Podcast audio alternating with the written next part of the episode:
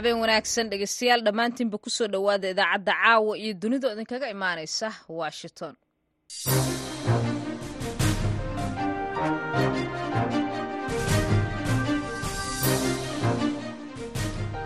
Waa fiidnimo jimco ah oo bisha maarso ee sannadka labada kun iyo afar labaatanka ay tahay kow. Waxaad naga dhagaysanaysaan mawjadaha lix iyo tobanka iyo sagaal iyo tobanka mitrban iyo boggana internetka ee v o a somaali com idaacadda caawa iyo dunidana waxaa idinla socodsiin doonta anigoo ah sahre cabdi axmed.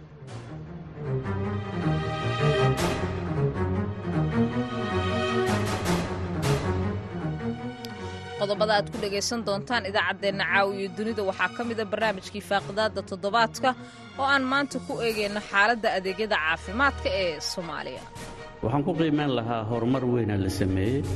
Markii takhaatiirta wax soo baratay takhasusaatka soo samaysa waddanku soo laabtay. Cilmibaaris hadda wax ka soo baxay.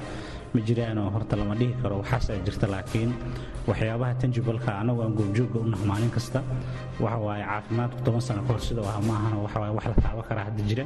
Waxaa qalabka loo keenay aqoon-yahankuna u soo laabteen waa in tayadii caafimaadka adeegga caafimaadka kor loo qaado marka siduu sidii hore tayadiina waa fiicnaatay waxaad sidoo kale maqli doontaan warbixinno ku saabsan caalamka iyo qodobo kale balse marka hore ku soo dhowaada warkeennii dunida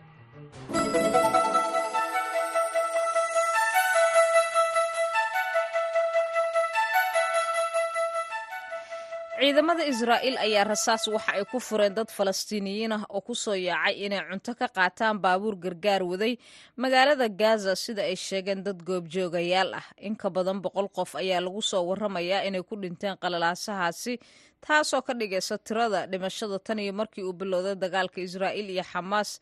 In ka badan soddon kun oo qof sida ay sheegeen saraakiisha caafimaadka ee dalkaasi israa'iil ayaa waxa ay sheegtay in qaar badan oo ka mida dadka ay ku dhinteen isbuurasho keentay fowdo islamarkaasina ciidamadu ay rasaas fureen oo keliya markii ay dareemeen halis sida ay yidhaahdeen rabshadahan ayaa waxa ay si deg deg ah u cambaareeyey dalalka carabta waxaana madaxweynaha maraykanka joe biden uu walaac ka muujiyey iyada oo taasi ay tahay dhibaato weyn oo soo kordhaysa sida uu yiri kuna imaan karta wadaxaajoodkii xabajoojinta ah ee dagaalka ka socda muddada ku dhow shanta bilood halkaasi. Dabka kacay suuq ganacsi oo lix dabaq ah oo ku yaalla caasimadda bangaladesh ayaa dilay ugu yaraan afartan iyo saddex qof waxaana ku dhaawacmay tobaneeyo kale sida ay sheegtay wasaaradda caafimaadka ee dalkaasi. Wasiirka caafimaadka samanta lelson ayaa sheegtay in dabkaasi uu goor dambe oo khamiistii ah uu ka kacay dhismo ku yaalla qaybta hoose ee aagga daka halka la yidhaahdo dabkaasi ayaa waxaa sidoo kaleta ka badbaaday dad ayagu markaasi goobtaasi ka cararay. Kooxaha debdemiska ayaa sheegay in ay durbaba bilaabeen inay dabkaasi baktiyaan waxaana dabkaasi uu ka kacay maqaayad caana oo dabaqa koowaad ee goob ku taalla ah xaafad ganacsi oo aad u mashquul badan oo ku taalla bartamaha magaalada caasimadda ah waxaana ku xanibmay dad aad u fara badan ilaa iyo haatan lama xaqiijin karo waxa sababay dabka hase yeeshee wasaaradda caafimaadka bangaladesh ayaa sheegtay in ugu yaraan soddon iyo saddex qof ay ku jireen haween iyo carruur ay ku dhinteen isbitaalka daka medical college halkaasi oo ugu yaraan toban kaleetana ay iyagu ku nafbaxeen markii la geeyey macadka qaran ee gubashada iyo qaliinka ee sheekh hasiina madaxweynaha ruushka valadimir putin ayaa u digay dalalka reer galbeedka isaga oo sheegay inay bilaabayaan dagaal loo adeegsado hubka nukliyerka haddii ay ciidamada ay u diraan dalka ukraine. Waxa uu sheegay inay haysato hub ku filan oo ay ku weerari karto bartilmaameedyadeeda ku yaalla galbeedka ruushka. Isagoo ku guda jiro khudbadiisi sanadlaha aheed ee xaaladda dalkaasi ayaa putin waxa uu yiri dalalka reer galbeedka ihi waa inay garowsadaan in annagu aan haysanno hub iyagu daqayn kara goob kasta oo muhiim u ah oo ku yaalla bartamaha dalalkooda. Arrimahan oo dhammi waxay imaanayaan xilli khatarta hubka nukliyeerka ee la adeegsadayo.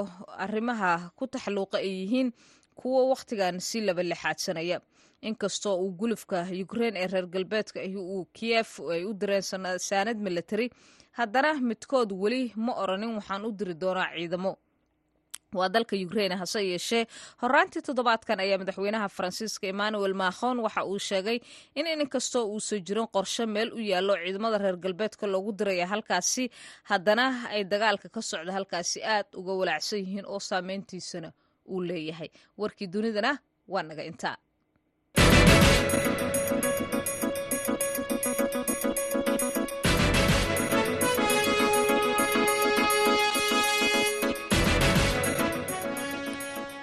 habeen wanaagsan idilkiinba dhegeystayaal halka wararkaasi idinkaga imaanayaana waa idaacaddeenna fiidnimo ee laanta afka soomaaliga ee v o eda aan ku bilowna ee magaalada nairobi ee dalka kenya. Si rasmiya waxaa uga bilowday barnaamijka dowladda kenya ay uga saarayso dadkeeda haysta dhalashada dalkaasi liiska faraha qaxootiga oo ay dadka qaarkood horey u galeen si ay markaasi dhoof iyo waxyaabo kaleeto u helaan.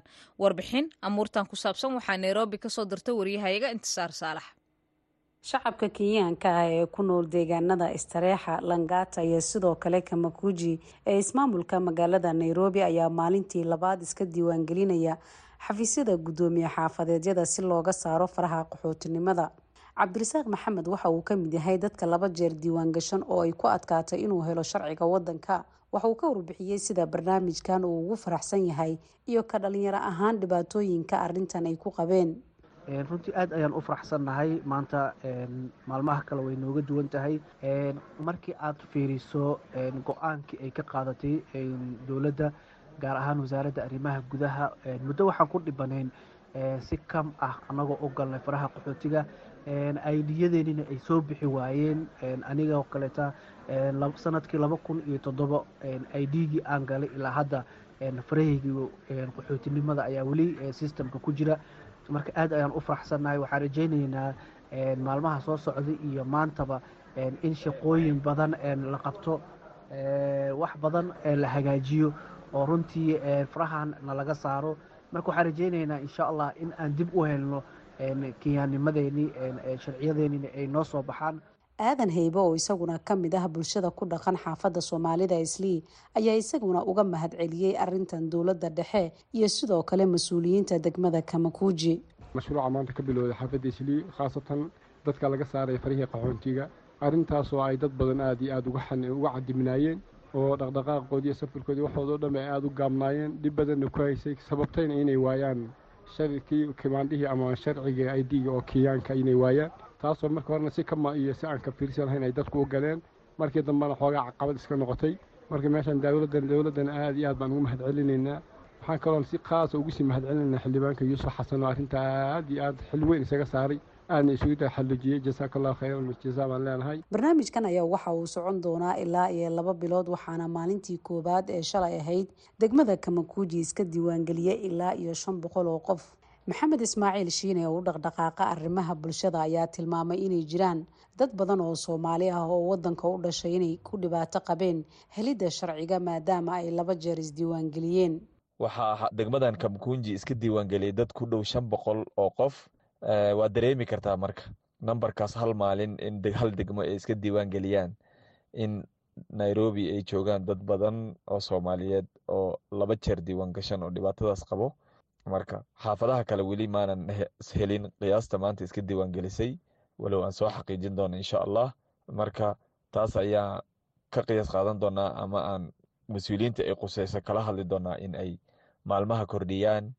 Muddadana lagu daro maalmaha interviewgana la badiyo si joogtaa looga dhigo isbuuci laba mar ama saddex mar hadduu alla idmo. Diiwaangelinta maalin walbay soconaysaa xafiisyada jiifafkay ka soconaysaa laakiin turxaan bixinta ama interviewga isbuucii hal mar ayuu dhacayaa siday ii xaqiijiyeen guddiga qaabilsan arrimaha diiwaangelinta ama hay'adda qaabilsan bil walba bilowgeeda maalinta khamiista ah waxaa dhacaya interview. Khamiista soo socota hadduu alidmo vetinka ama interviewga mar labaad uu dhacayaa bisha dhammaadkeeda bisha saddexaad khamiista u dambeysana interviewga dhacaya inta u dadka waxay marayaan process ah in dokumentiyadooda ay jiifafka ka xareeyaan fare laga qaado systemka la geliyo si ay u maraan vetinkaas laakiin wax waa isbedeli karaan maadaama tirada soo baxday aada u badan tahay. Waxaa laga yaabaa maalmaha interviewga ama vetinka la marayo turxaan in aysan ku ekaan maalin khamiis kaliyahay maalmo kale ziyaadaha lagu daro. Sida maanta aan aragnay tiradaas soo baxda inay aada u badan tahay aysan ku dhammaan karin labada bilood. Dib ayaan u noqon doonaa mas'uuliyiinta u xil saaran inaan la fadhiisanno ka dhaadhicinno barnaamijka in dad aada u tiro badan ay howshaas haysato doonayaanna in ay faraha laga saara dhinacay doontaba ha noqotee marka taas ayaan ka shaqayn doonaa insha allah. Intisaar saalax xuseen v o a nairobi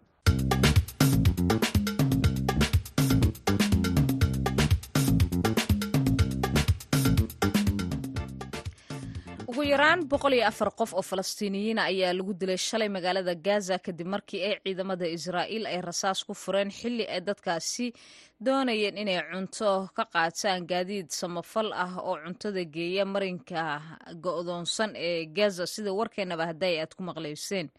Haddaba warbixintan oo qortay v o eda sahre cidlo nuur ayaa inoo haysa in ka badan boqol qof oo falastiiniyiina ayaa lagu soo warramayaa in khamiistii ay ku dhinteen magaalada qasa kadib markii ciidamada israa'iil ay rasaas ku fureen dad doonaya inay cunto ka helaan.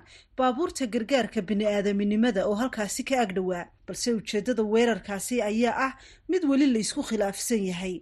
Saraakiisha cisbitaalka kaza ayaa markii hore sheegay in israa'iil ay duqayn ku hayso dadkii ku sugnaa agagaarka deegaanka alnabuusi ee galbeedka magaalada kaza goobjoogayaal ayaa sheegay in ciidamada israa'iil ay rasaasta ku fureen dadka iyaga oo baabuurta gargaarka kala soo degaya raashiin iyo agab kale oo ay ka mid yihiin cuntooyin qasacadaysan oo gargaar ahaan loogu talagalay saraakiisha israa'iil waxay qireen in ciidamadoodu ay rasaas fureen iyaga oo taasi ku sababeeyey inay u malaynayeen dadkaasi ku yaacayay baabuurta gargaarku inay halis amni ku ahaayeen ciidankooda. War ka soo baxay milatariga israa'iil ayaa markii hore lagu sheegay in tobaneeyo qof ay ku dhinteen kuna dhaawacmeen rasaastaasi. Ciidamada difaaca israa'iil ayaa sidoo kale sheegay in howlgallo dhulka ah ay ka fuliyeen waqooyiga qasa maalintii khamiistii sidoo kalena ay duqaymo dhanka cirka ah ka fuliyeen deegaanka khanyonis madaxweynaha maraykanka joe biden oo ku sugan washington ayaa khamiistii sheegay inuu ku rajo weyn yahay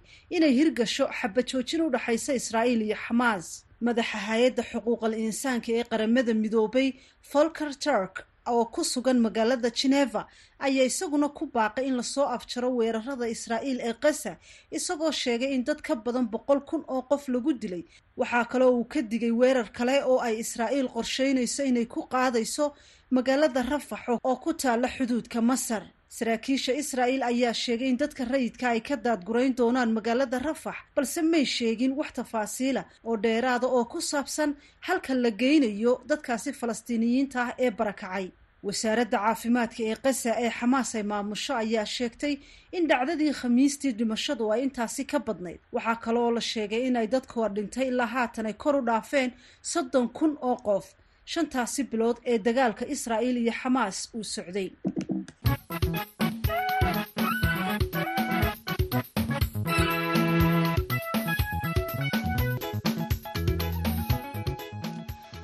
waddamada turkiga iyo talyaaniguna waxa ay doonayaan inay sare u qaadaan galaangalkooda iyo saameynta ay ku yeelanayaan afrika xag dhaqaale hadday ay noqoto iyo mid diblomaasiyadeedba. Falanqeeyayaasha ayaa sheegaya in labada dhinac ay fursad u arkaan hoos u dhaca ku yimid saameyntii faransiiska ee qaaradda afrika taasi oo abuureysa wada shaqayn dhex mari karta xukuumadaha rooma iyo ankara wakhtigan.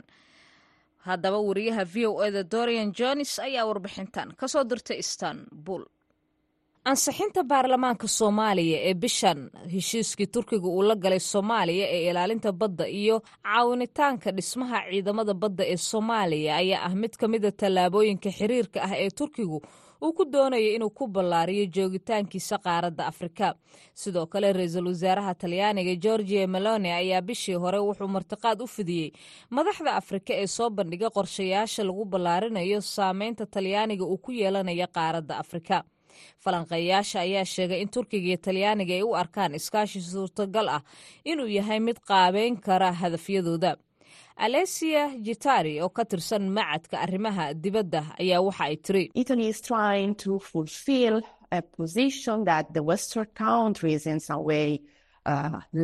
talyaanigu wuxuu isku dayayaa inuu buuxiyo mowqifka dalalka reer galbeedka waxyaabihii ay ka tageen tobankii sane la soo dhaafay halka turkiguna uu horay ugu sugnaa afrika iyo afrikada saxaraha ka hooseysaba arrimaha ugu waaweyn ee iska hor imaadka samayn kara ayaa ah iskaashi la arki doono inay ka yeelan karaan arrimaha tahriibta iyo sidoo kaleeto tamarta. Arrimaha dibadda iyo dabcan horumarka dhaqaalaha ee dalalkan milone ayaa waxa uu la kulmay madaxweynaha dalka turkiga rajeb dayib erdogan bishii janaayo. Wadahadaladooda waxa ay ku saabsanayeen afrika waxaana diiradda lagu saaray iskaashiga libiya halkaasi oo turkiga uu ku leeyahay saameyn weyn oo ay ku leeyihiin saldhig military dalkan ku yaalla waqooyiga afrika ayaa sidoo kaleeto marin u muhiima waxa uu yahay muhaajiriinta isku dayaya inay ka galaan yurub halkaasi gaar ahaana dhinaca dalka talyaaniga. Falanqeeyayaasha ayaa sheegaya in dowladihii la dhacsanaa faransiiska dhowaan laga saaray ee dalalka niger maali iyo gabon ay ka bixitaanka ciidamada faransiiska ee qeybo ka mida afrika ay si weyn u wiiqday saameynta siyaasadeed iyo midda dhaqaale ee faransiiska uu ku lahaa gobolka taasi oo fursad u furaysa albaabada ah talyaaniga iyo turkiga. Roma iyo ankara ayaa ka maqan muruqa dhaqaale ee ciyaartooyda kale ee iyagu awooda badan ee afrika sida shiinaha. Laakiinse turkiga iyo talyaanigu waxa ay leeyihiin dhinaca kale dhiirigelin xoog leh oo ay diiradda ku saarayaan meelaha suurtagalka ah ee iskaashiga si ay u ballaariyaan saameynta ay ku leeyihiin qaaradda afrika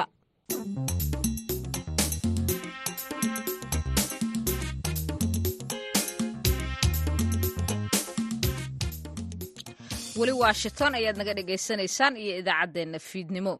Dalka iiraan ayaa qabanaya doorashada baarlamaaniga ah maanta oo jimco ah. Haddaba su'aasha dhabta ah ee taagan ma ah ayaa ku guulaysanaya laakiinse tiro intee la-eg oo codbixiyaal ah ayaa doorashadaasi ka qaybgelaya warbixin amuurtaasi ku saabsan oo ay qortay wakaaladda wararka associated price waxaa soo jeedinaya xuseen barre aadan.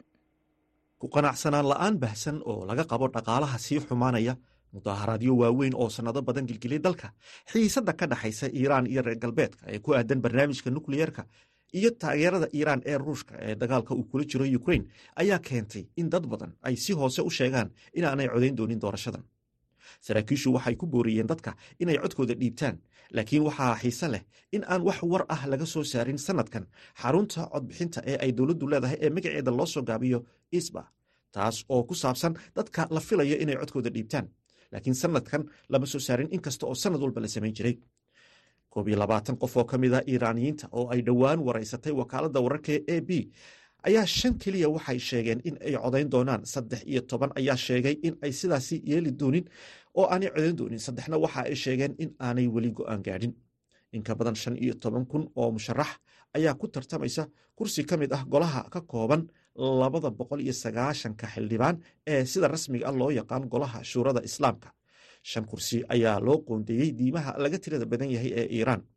Sharci ahaan baarlamaanku waxa uu kormeeraa fulinta wuxuuna u codeeyaa heshiisyada wuxuuna ka shaqeeyaa arrimaha kale. Laakiin ficil ahaan awoodda buuxda ee iiraan waxay gacanta ugu jirtaa hogaamiyaha sare ee ruuxiga ah ee aayatullah cali khamna'i siyaasiyiinta mayalka adag ayaa xukumayey baarlamaanka iiraan labaatankii sano ee la soo dhaafay iyada oo mar kasta lagu dhawaaqo ameerika ha dhacdo.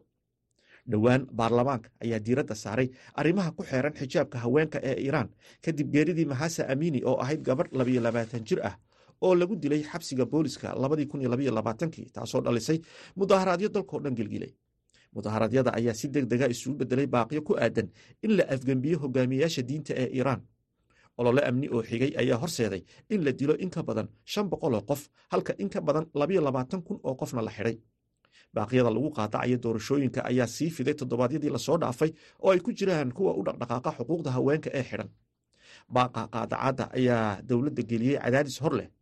Laga soo bilaabo kacaankii islaamiga ah ee kii culimmada diinta ee iiraan waxay xukunkooda ku saleeyaan taageerada ay shacabka ka haystaan hogaamiyaha ruuxiga iiraan ayatullah cali khamna'i laftiisa ayaa arbacadii dadka ku booriyey in ay codeeyaan. Warbixintii wakaalada wararka a p ee xuseen barre aadan uu nala socodsiinaya ayay taasi ahayd haatana dhegeystayaal. Waxaad ku soo dhowaataan barnaamijkanii faaqadaada toddobaadka oo aan ku eegeyno maanta xaaladda hanaanka iyo adeegyada caafimaadka ee soomaaliya. Waxaa soo diyaariyey soona jeedinaya wariyahayaga magaalada muqdisho xasan kaafi cabdiraxmaan qoyste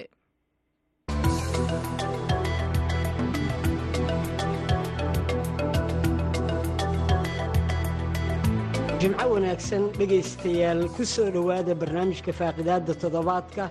Sida aynu ognahay muddooyinkii ugu dambeeyey waxaa dalka soomaaliya gaar ahaan magaalada muqdisho ku soo badanayey xarumaha caafimaad ee sida gaarkaa loo leeyahay kuwaas oo ay ka howlgalaan dhakhaatiir soomaaliyeed oo u taagan inay buuxiyaan baahiyaha caafimaad ee ay qabaan bukaanada soomaaliya.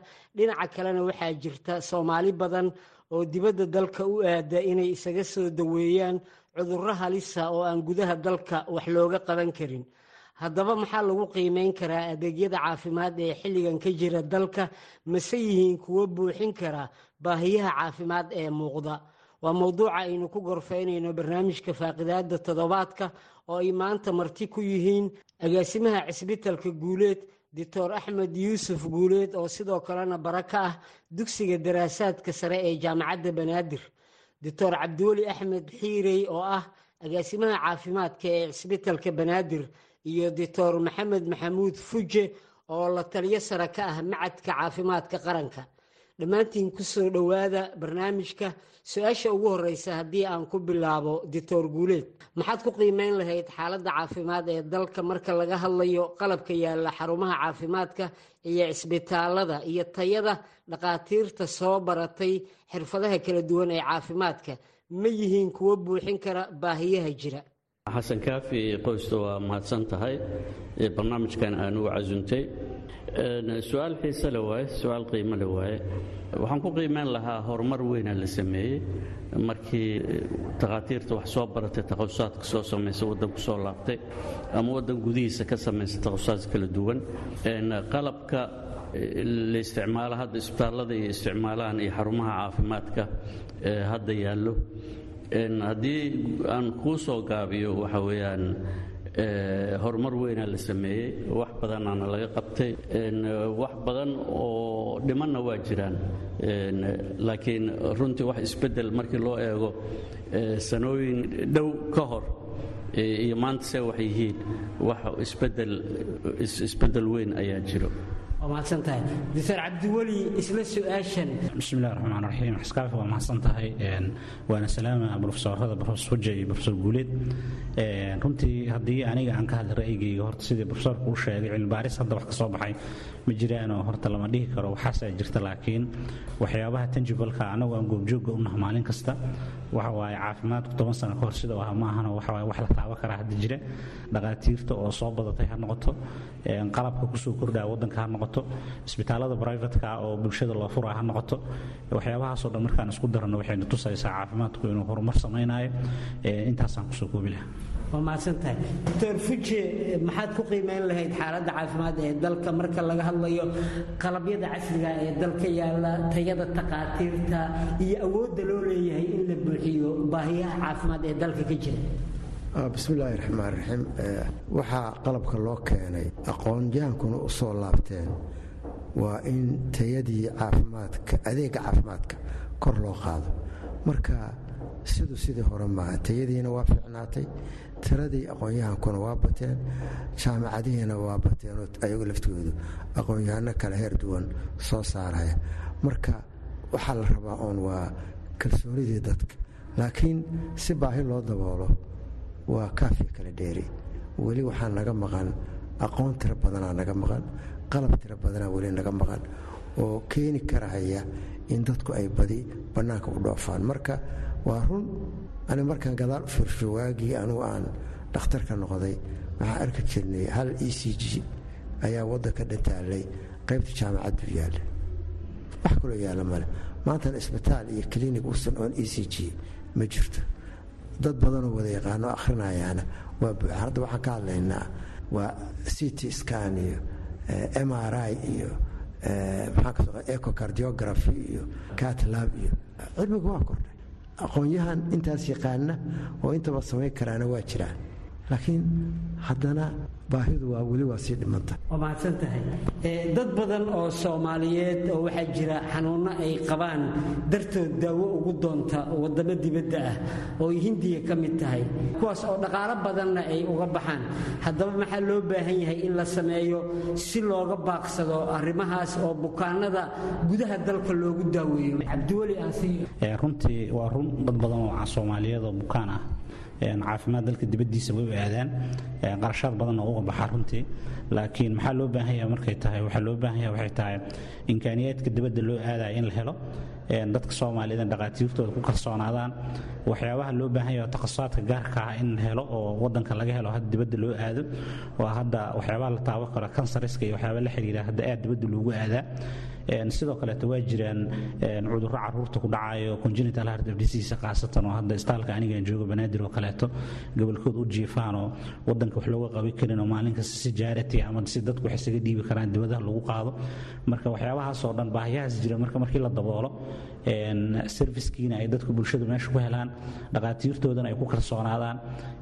Sistamka dawliga ahna ay iyaguna isu diyaariyaan sidii ay baahidaas bannaanada ka jira loo jooji lahaa oo istaalada dowladda iyo kuwa barafadka intaba loo xooji lahaa. Markii la isku daro waxaan is leeyahay waxay keeni doontaa qulqulka dadku dibadda u aadaan iyo qarashaadka uga baxay badan. In la soo gaabiyo ayaa dhici karta waa mahadsantahay doctor fuje maxaa loo baahan yahay in la sameeyo si looga baaqsado baahiyaha caafimaad ay dalka dibadda u aadaan gaar ahaan hindi oo kale? Horta waa su'aal aada u fiican waana su'aal bractical oo runta in laga jawaabo u baahan anise ila muuqato. Kow horta waxaan dhihi lahaa dadku wax badan iskaga aada soomaali waa safar jecesha. Mid bannaanka joogaa wuxuu leeyahay hooyada xaggee laga hayaa jili baa laga hayaa hindiyaha loo diro laba boqol oo milyan ugu yaraan oo dollar ayaa nooga baxdaa health tourismka iyo ka badan. Waddankan waa lagu daawey ka marka horta dadku kalsooni darro jirta iyo waxa yaalla oo awooda ya oo aysan la socon. Waa qodobka koowaad. Qodobka labaad waxa weeye dhakhaatiirta laftigeedu competitiona ka dhexeeya. Marka dhakhtarku intuu dhakhtarka kale u rifeergale lahaa wax asagu uusan hayn oo qalabkeedu uusan hayn ayuu laftigoodu wuxuu leeyahay bannaanka aad wax kale looga qaban kare kalayantigasus qof kale u badan.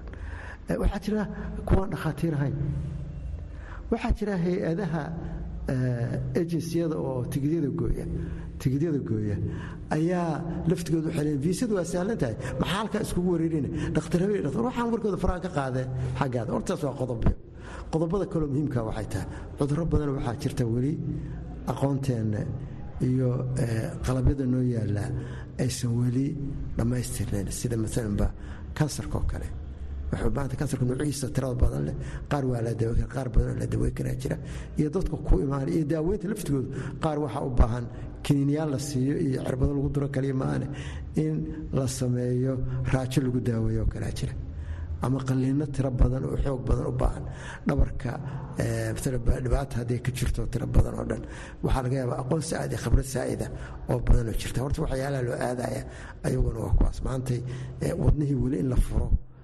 bannaanka lagu daawayo open heart surgery weli ma aanan gaarin. Marka waxyaalo waa jiraana weli aqoontoodu naga dhiman tahay. Qaarna annagoo aqoontii lahaa dadku ayagu ay bannaanku aadeen. Marka waa waxyaalo badanoo isku jira.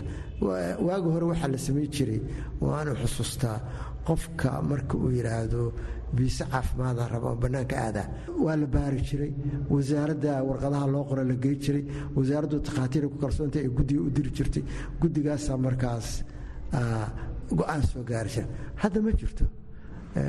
Xafiiska u horeeyo diyaarada tikitka laga gooyaan tagaya hindiyaan rabaa aan leh. Waa laysiina marka waa sahlanta oo saasaa keenaya su'aashan waa mahadsantaha xasan arrintaas arrin xaqiiqaha u jirta weyaan in bukaano badan ee dibadda hindiya turkiya iyo maleysiya inay meelo badan caafimaad u tagaan. Horta laga maarmahay in dibadda la aado. Maxaa yeelay waxaa jirta baahi badan oo xagga caafimaadka oo innaga gudaha dalka aan waxba looga qaban karin. Sida hadda brofesor fujo carabaabo kale heart surgerygo kale. Ama macnaha qalliinka wadnaha obinkaha ama bedelka sambabkoo kale haddii la bedelahayo kale ama beerka haddii la bedelahayo kale ama muxuu sida takhaatiirta hor u sheegeen daaweynta kansarka oo kale. Waxyaalahaasoo dhan weli ma aanan helin suurtagal nooma noqonin in gudaha lagu qabto. Laakiin waxaan rajaynayaa sanooyinka soo socdo in dadkii aqoonta u lahaana ay soo baxayaan takhaatiirtii qalabkii lagu baari lahaa ama wax lagu qali lahaa ama diagnostiga lagu samayn lahaana in la helahayo. Marka maxaa la samayn karaa? Waxaa la samaynhayaa in takhaatiirtii lagu dhiirigeliyo waxyaalahaas naga dhiman inay soo bartaan. Marka in la dhiirigeliyo somali medical association ama jaamicadaha inay dhiirigeliyaan takhaatiirta inay aadaan fiildigaas bannaan oo loo baahan yahay oo waxtarkana waddankan u leh ayagana waxtar u leh bukaankiina looga maarmi karo berrito in dibadaha ay aadaan marka waxa weyaan in dhakhaatiirtii wacyigelin loo sameeyo dhiirigelin loo sameeyo qalabkii muxuu ahaa la keeno. Doctor fuje maxay yihiin cudurrada ugu halista badan ee aan dalka waxba looga qaban karin ee ay qasab tahay in bukaanada soomaaliyeed ay dibadda u aadaan? Mase jirtaa ilaa iminka howlwadeenno caafimaad oo dalka ku soo kordhiyey qalab caafimaad oo aan horay u jirin? Bismillaahi raxmaan raxiim waa su'aal kaloo ayadoona culus inta hadda aan aniga rofesor axmed aan sheegnay oo ah transbalantiga maalanba sambabka keliyaha beerka isha ka soo qaad waxaa raftid waa waa waxyaalo maqan. Open heart surgeryga wadnii la qalaay kansarka daaweyntiisa waa wax badan laakiin hadda waxaan ogahay wax badanaa isbedelay laftigeeda hadda. Hadda lafaha simaha waa la bedelaa jilbaha waa la bedelaa awal aqoontaasi ma jirin. Rakhaatiir badan oo awooddii iyo qalbkii laha yimid. Waxaa hadda aa jirto oo kale katlabka. Katlabka meelo badana hadda laga sameeyey digfara laga sameeyey reersia laga sameeyey waxaan malaynayaa horseed waa dad badanoo ordaayaa jira.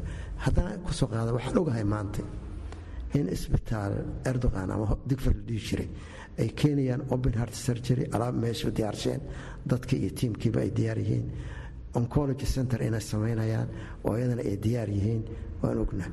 Laakiin waxaa ka wadaa cilmigu waa badanya maalinood waxaan ku farxay nin oo lafaha xiriirka dhabarku ay qaar bannaanka u baxeen oo jajabi rabeen. In digfar lagu qalaanuga oo saddex lafood la qalay. Uu ninka socdo nin waayeelu ah oo socdo ordahayo salaadiisa tukanaya marka qalabyada iyo aqoontu intuba waa jiraan.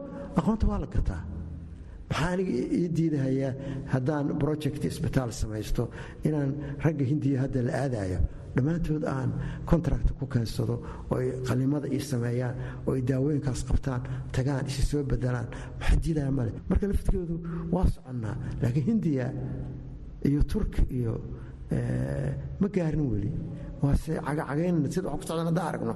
Labaatan sanaha noo qabto waa cagacagaynayna insha allah. Waa mahadsantahay doctor guuleed maxay yihiin cudurrada ugu halista badan ee aan dalka waxa looga qaban karin ee inta badan dibadda loo aado? Cudurrada dibadda loo aado waxa weyaan lafa bedelka ama laf dhabarta ha ahaato in lafa laga qalo ama jilbaho la bedela ama simaho la bedelahayo beerka xanuunada beer ku dhaco ama beerkao la bedelahayo sambabada keliyaha oo la bedelahayo macnaha waxaasoo dhan waxa waaye intaan hore u soo sheegnay waa inta waa badan yihiin waa fara badan yihiin kansarada noocyada kala duwan.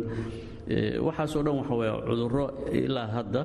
Haddii daaweynteeda aan la helinna mustaqbalka dhow la heli karo. Laakiin waxaa suurtagala in diagnostiga ama cudurka wuxuu yahay soo saaritaankiisa inay hadda suurtagal ay tahay. Qalabka la haysto oo c t skanka ama mri-ga ama laabka dhicanada la baarahayo oo laabka laboratoriga lagu baarahayo inay suurtagal ku noqonaya waxaasna waa wax hadda la keenay iyo dadkii cilmiga ulahay takhaatiirtii ama shaybaaraya soo barteen.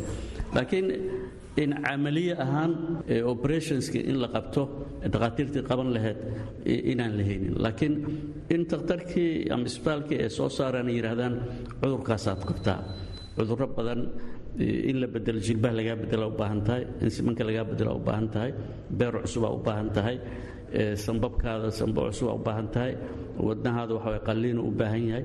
Inaan heli karno hadda qalabkii lagu samayn lahaa diagnostiga waddan gudihiisa laakiin shaqadii la qaban lahaa inay naga dhiman tahay iyadana waa la gaarahayaa.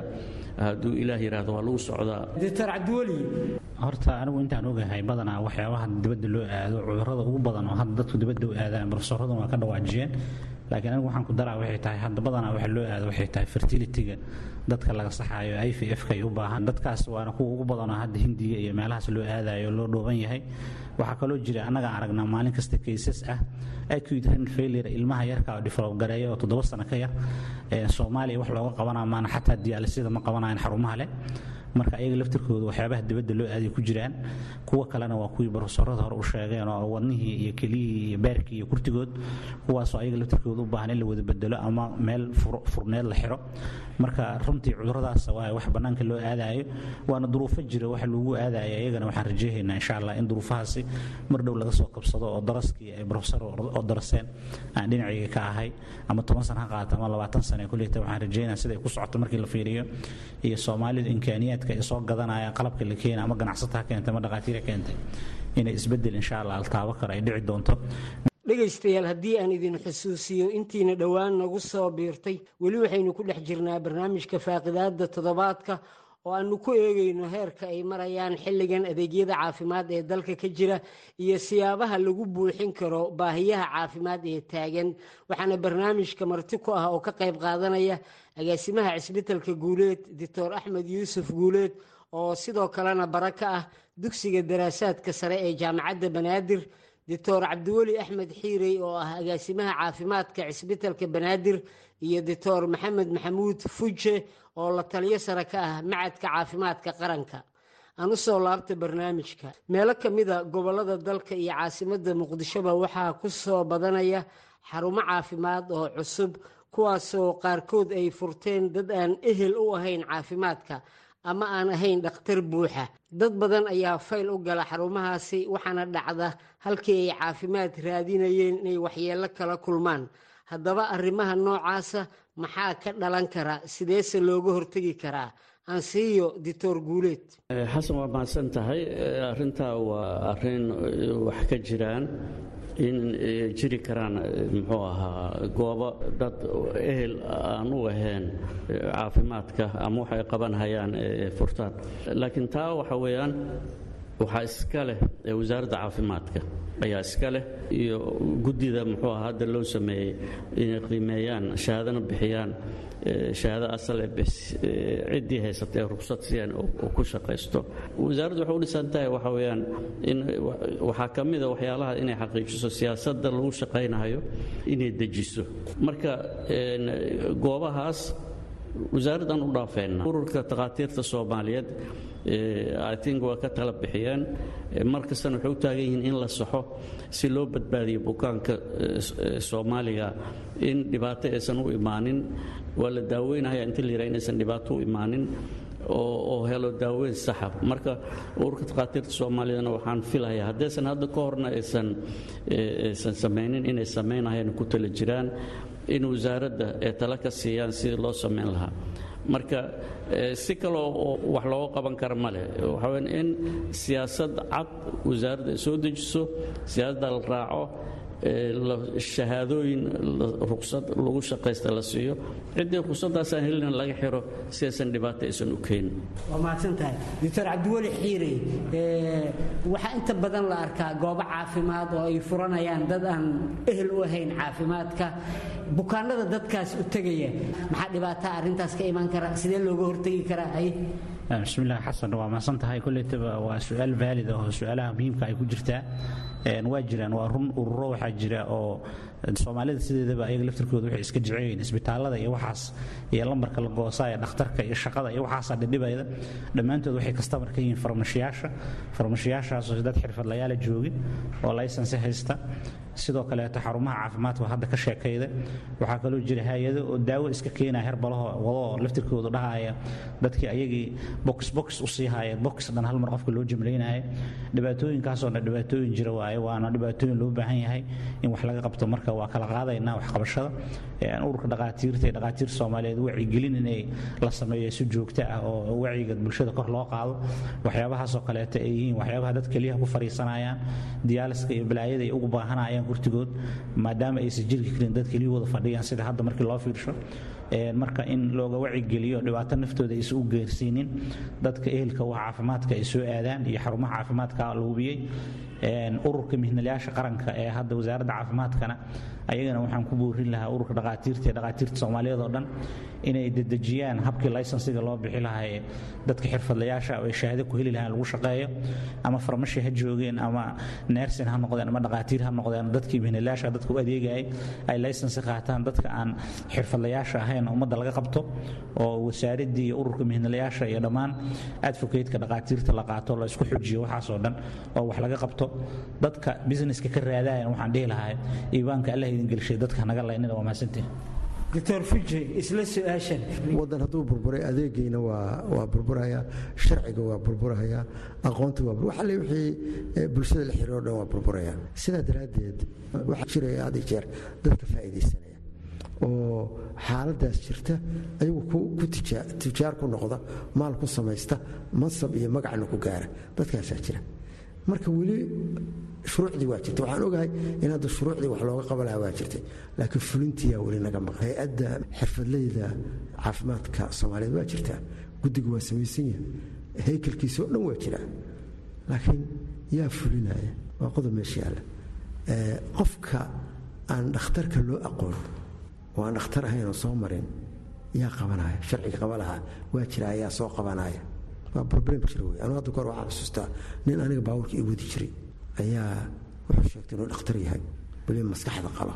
Xayisiintiisa tiro badan la maqlaay maalin dambaan isareen maktar hebelow hadda anugu dhakhtar goona soo noqdo liibiyaan aadoo ka soo qaato shahaadada. Markaasuu ma ku tusaa boorsisita furay ma yahay tusaan waxaan ka cabsaday inuu basalo la soo baxdo. Su'aashaada maxaa ii keenaya cabsidaasaa weli jirta. Waxaasaad weli ujeeda markaan joogay daawooyinkaan nira aan baarno daawooyinaan suuqa tagna waa ka baarnay. Waxaan ogaanay inay feeg yihiin. Yaa u sheegnaa? Ninkii aan ka qaadna maa u sheegnaa oo shirkadda keeni jirtay? Biliiska maa u sheegnaa? Cidaan u sheegnaa garaweyn nafteenaan waa habsannay. Marka waxaa jirta sharciga fulintiisaa weli maqan. Maalin kastoo aad maqlaysaa waxaasa iska jira. Marka horta qofka aan dhakhtarka ahayn ee meelaha inta furta beenta sheegaya cimrigiisu waa gaaban yahay.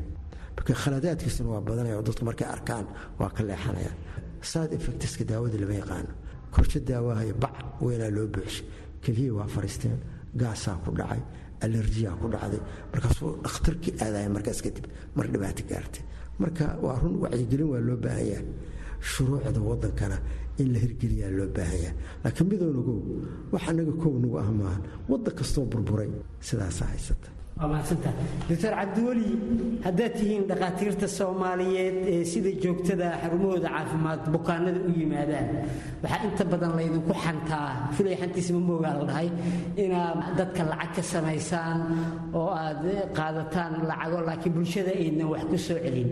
Maxaa diidan in jadwalkiina shaqo aad ku darsataan maalmo gaara oo dadka taagta daran ee aan dhaqaalaha haysan ama aan awoodin ama barakacayaasha aad si lacag la'aan bismillahi raxmaan raxiim horta anugu istaal babligan ka shaqeeya. Ma aaminsanin runtii dhakhaatiirta. Horta xarumaha brivatka horta laftirkooda culayskooda haysta. Shaqaalay leeyihiin dhakhtaray leeyihiin kurtigooda leeyihiin dowladna wax kama dacmido. Marka waxay ku qasbayeen inay dadka u adeegaan dadkuba hadeertan sidii hadaayitan ka dhawaajeen hindiga aadaana waxay ku bixiyaan lacag aad u fara badan xarumaha caafimaadka hadda jira brivatka ahna.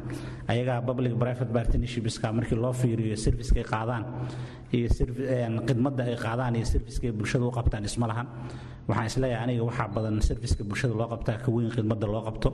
Markii loo fiiriyo waddamada anaga nagu hareeraysan ama kuwa safarka loo aado intaba marka waa jiri karaan dhaliilahaasoo dhaqaatiirta waa qaban karaan dhaqaatiirta senioriska ama waaweyn ama takhasusaad kale maxay xilliyada gobol istaalada brivatka publiga ah. Brivatka waaba lagu arkay.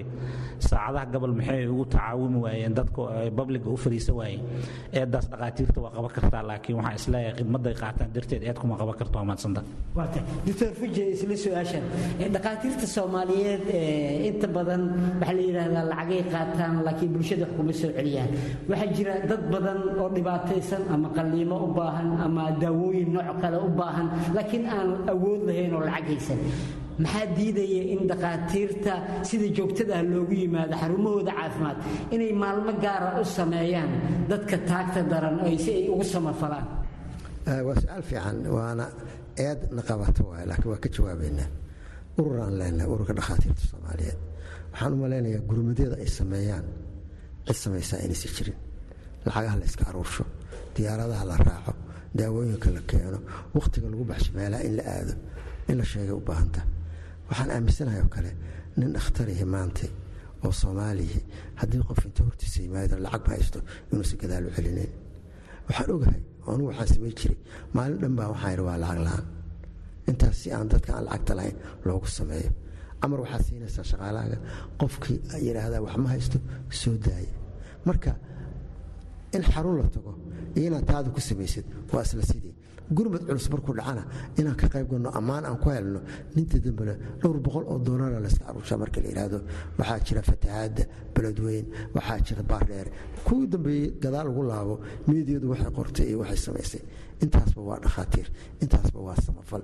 Marka fiqitulkiis kama janno tago ummaddeennayaan ku dhex jirnaa ummaddeenna waxbaan u qabanaa waxayna la qaybsan. Gartana qabataa waxay tahay isbitaaladka bablikada ah.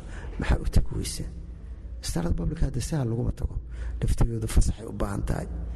Anuu ma ogi hadduu qof yidhahdo waa iska tegayaa in layska soo dhowaynayo yaa sababto dhakhaatiir adiga kula mida oo takhasusada ilaha jooga. Haddaa siniyar ka sii tahay si kalaa laysku arkiraa dadku waa iska xaaladuhu xaalada waddanka ka jira ninku dadku mogtahay waxna waa ku dhiirinaysaa waxna xoogaa waa kaa kale marka dadaalku ma yaraa laakiin soomaalidu inay wax sheegtay iska jecesha. Iyagoon kaa warqabin nimaan kaa warqabina kaa warbixinaya siduu kuu arko kuu sheegaya sadaqa waa lala baxaa aanu u malaymaayo isbitaal aan sadaqa laga bixin. Dhakhaatiir qalliin samaysaa jirta qofkan aan shilay laga qaadin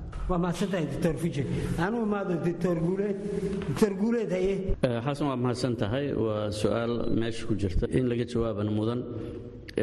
Horta haddii la yidhahdo takhaatiirta lacaga iska gurataa aniga ma qabo arrintaa inay sax tahay inta badan maxaa yeelay takhaatiirta markaad aad isbarbar dhigto waddamada dariska aan nahay siday u shaqeeyaan iyo sidaan u shaqayno waxaad arkaysaa oo kuu soo baxahayo si cad kugu soo baxahayo in takhaatiirta soomaalida waxa ay qaadaan iyo waxa wax ku baaraan inay aad u yartahay waxaa laga yaabaa dakhtar takhasusi ah oo takhasus leh oo nairobi jooga. Haddaad u tagto araggiisa inuu yahay afartan dolar qaarkood lixdan dolar inuu yahay. Meesha dhakhtarka halkan jooga lix dolar ama kan ugu badan oo toban dolar uu qaato araggiisa. Dhakhtarkii waxa weyaan keligiis ma shaqaynahayo. Markuu isbitaal joogo kale private uu joogo intaasoo nersaa joogto. Intaas lab technician joogto. Intaas dhakhaatiir kalea joogto. Intaas farsamadii kaleeto iskaankii ultrasoundkii dadkii sbeshaalistaha wuxuu qabanahayoo dhan. Waxa weyaan waxay wax ka sugahayaan waxaa lagu shaqaynayo marka sida la moodahayo qofka bannaanka ka joogo ma ahan. Inta badan dhakhaatiirta wax ku sheega nooc ka mida volunteer inay tahay ayay ku shaqeeyaan midda la leeyahay maa la sameeyo maalmo mucayana maalin kastaan samaynaa maalinta ugu yaraato toban dhowr iyo toban qofaan bilaash ugu shaqaynaa. Shebaara loo diraa lacag ma haysto. Halofirya loogu sameeyo. Raaja loo diraa skana loo diraa altrasana loo diraa ma haysto. Friha loogu shaqeeyo marka waxaa weyaan dad badan oo masaakiinoo xeryaha ka yimaado ama magaalada jooga oo waxba hoysan ayaan firi ugu shaqaynaa dar ilaahay ugu shaqaynaa annagoon cidna u sheeganin. Ugu dambayntii doctor fuje maadaama aad ka mid tihiin dhammaantiin dhakhaatiirta ugu magaca dheer dalka muddo badan soo shaqaynayay maxay tahay taladiinna ku aadan sidii loo horumarin lahaa caafimaadka dalka ee aad u soo jeedin lahaydeen guud ahaan? Bahda caafimaadka oo ay ku jirto wasaaradda horta horumar markii laga hadlaayo caafimaadka waa arrin bulsho waay. Sidaa daraaddeed waa roolka wasaaradda caafimaadka. Wasaaradda caafimaadkana dadaal kuma yaraa. Marka haykalka caafimaad in la hagaajiyo shuruucyaha caafimaadka daryeelayana in la hagaajiyo la fuliyo in tababaro badan kaadiriinta caafimaadka oo kor loogu qaadayo aqoontooda la sameeyo wacyigelin badan oo bulshada la socota in la sameeyo tallaalka in meel walba uu yaalo dadkana ay fahmaan in tallaalku yahay ka hortaga cudurrada tusaale yaraa soo qaaday dadku waxaysan ogeyn. Cudurro kansar ah oo dadka ku dhaca oo tallaalka looga hortagaa jira. Haddii qofka tallaalka uu qaato cudurkaas kansarku kuma dhacayo. Waana kuwa ugu daran ugu khatarad badan wadankeena sida matala kansarka beerka oo kale oo hebataas biigu u keeno tallaalu leeyahay hebataas waana yaallaa waana lacag la'aan in la qaatay u baahanta. Kansarka ku dhaca minka afkiisa cervical cancer. Ya tallaalu leeyahay. Tallaalkii waa yaalla waa la heli karaa. Marri waa la keeni doonaa insha allah marri rag ku soo jiraa. Shubanka koleerada rotaviruska tallaalay leeyihiin. Haddaan ku sii daro xiiqdheertii tbda gowracatada teetanaha dadka ma qaadanayaan markaasaa maalinkaas waxaa lagu keenayaa dad cudurrada marka waxaan rabaa wacyigelin xoog badan in la sameeyo. Bulshadana waxaan ka codsan lahaa bulshada inay dhagaheeda furto oo ay macluumaadka la siinayo ogaato wasaaradda caafimaadku marka iyo inta la shaqaysaana waxa weye health systemka wadanka lixdiisa billion blocks in la hagaajiyo oo lagu dhaqaaqo oo ay meel walba u gaaro caafimaadku. Dad waxaa arkaysaa rug caafimaad aan lahaynoo say rug caafimaad u tagaan. Saddex maalmood lugeynaya ama rati lagu qaadayo. Dhimashada caruurteenna iyo dhimashada hooyooyinkeen cirkii jiraan adduunku waa meelaha ugu khatarta badane soomaaliya ka mid tah waxaasoo dhan ma ahan inaan aqoonti jirin. Aqoonti waa jirtaa laakiin infrastructurekii ma jiro. Marka shaqo dheeraa noo hartay inaan dadaalnana waa tah dhaliishaasna waa dhaliil macquula oo la ogolyaha waayo doctor guleed maxaa tala ah bahda caafimaadka u soo jeedin lahayn guud ahaan si loo horumariyo tayada caafimaadka soomaaliya? Maxaa lagu talin lahaa? Dabcan waxa weyaan markii la yidhaahdo see loo horumarinhayaa caafimaadka. Waxaa iskale dabcan takhaatiirta doorkooda waa iska gaaban yahay. Waxa weyaan in la sameeyo awareness macnaha wacyigelin wacyigelin in la sameeyo dadka wax loo sheego cudurrada faafo sida layskaga ilaalin lahaa meelaha muxuu ahaa cudurrada laga helahayo bukaankii in dhaqsi markuu calaamadii isku arko dhakhtarkii dhaqsi u tago si uusan cudurka u sii fidin inay iskala ilaaliyaan dadka cudurrada faafo aysan isku dhex noolaanin. Waxaas waxa weeyaan wax ururada caafimaadka maynilayaasha caafimaadka iyo takhaatiirta ay samayn karaan laakiin istraatiijiyada lagu horumarinhayo ama lagu wanaajinhayo caafimaadka waxaa iskale wasaaradda caafimaadka. Wasaaradda caafimaadka waa inay policy istraatiiji toosan oo kor u socdo aan hoos u soconin macnaha garaafkiisa oo kor u socdo marba wax la bedelahayo marba horumar la samaynahayo waa in wasaaradda la timaada wasaaradda marka iskale bolisigaas inay diibso laakiin intaan kale waxaa ku filan wacyigelinta iyo waxusheegidda iyo kala saarida dadka iyo waxaasoo dhan waxa weyan waa waxaan ku filannahay dadkeenna miinilaasha caafimaadka oo aan qaban karno. Doctor cabdiweli xiray maxaad ku talin lahayd si caafimaadka horumar uu u gaaro?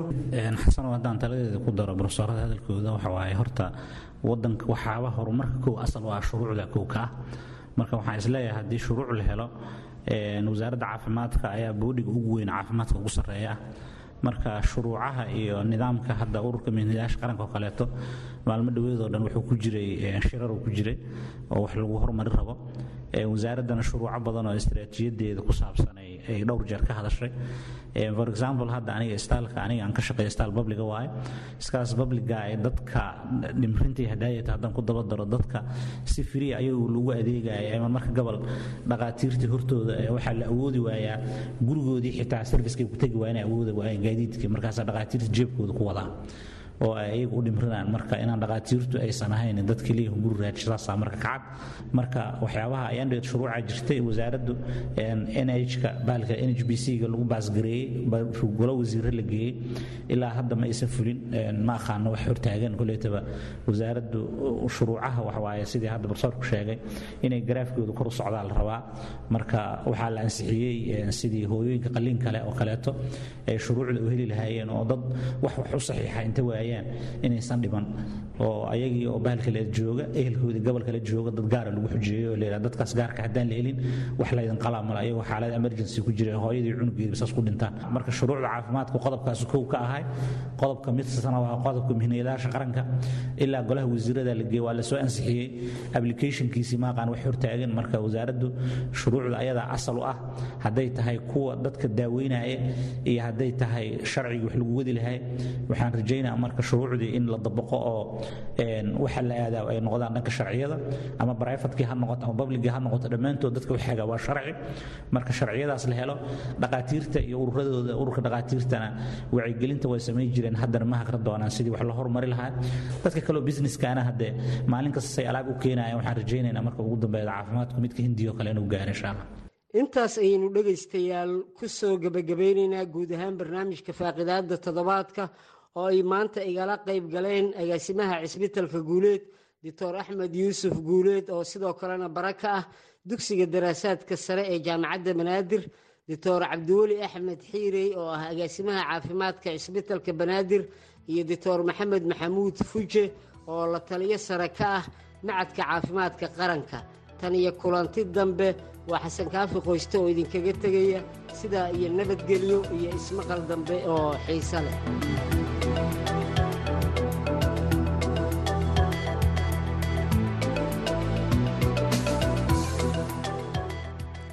xasan kaafi cabdiraxmaan qoyse ayaa barnaamijkaasi nala socodsiinaya halkaasi aad ka dhagaysanayseena waa washington bal markana dhinacii heesaha.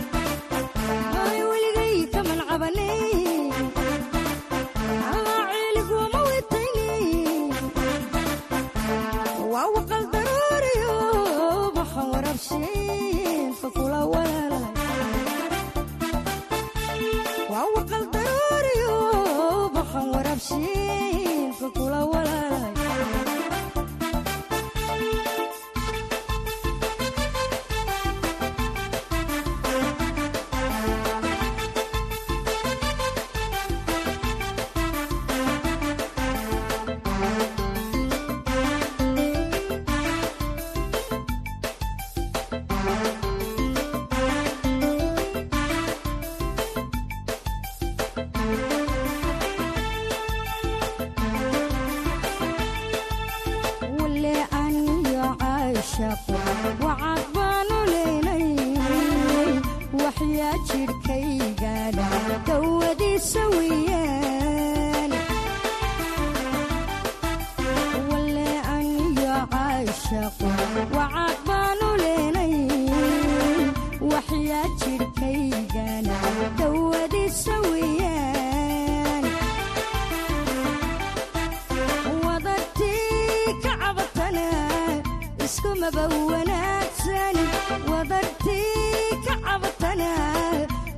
Iskumaba wanaagsan warna numa dhex mari karo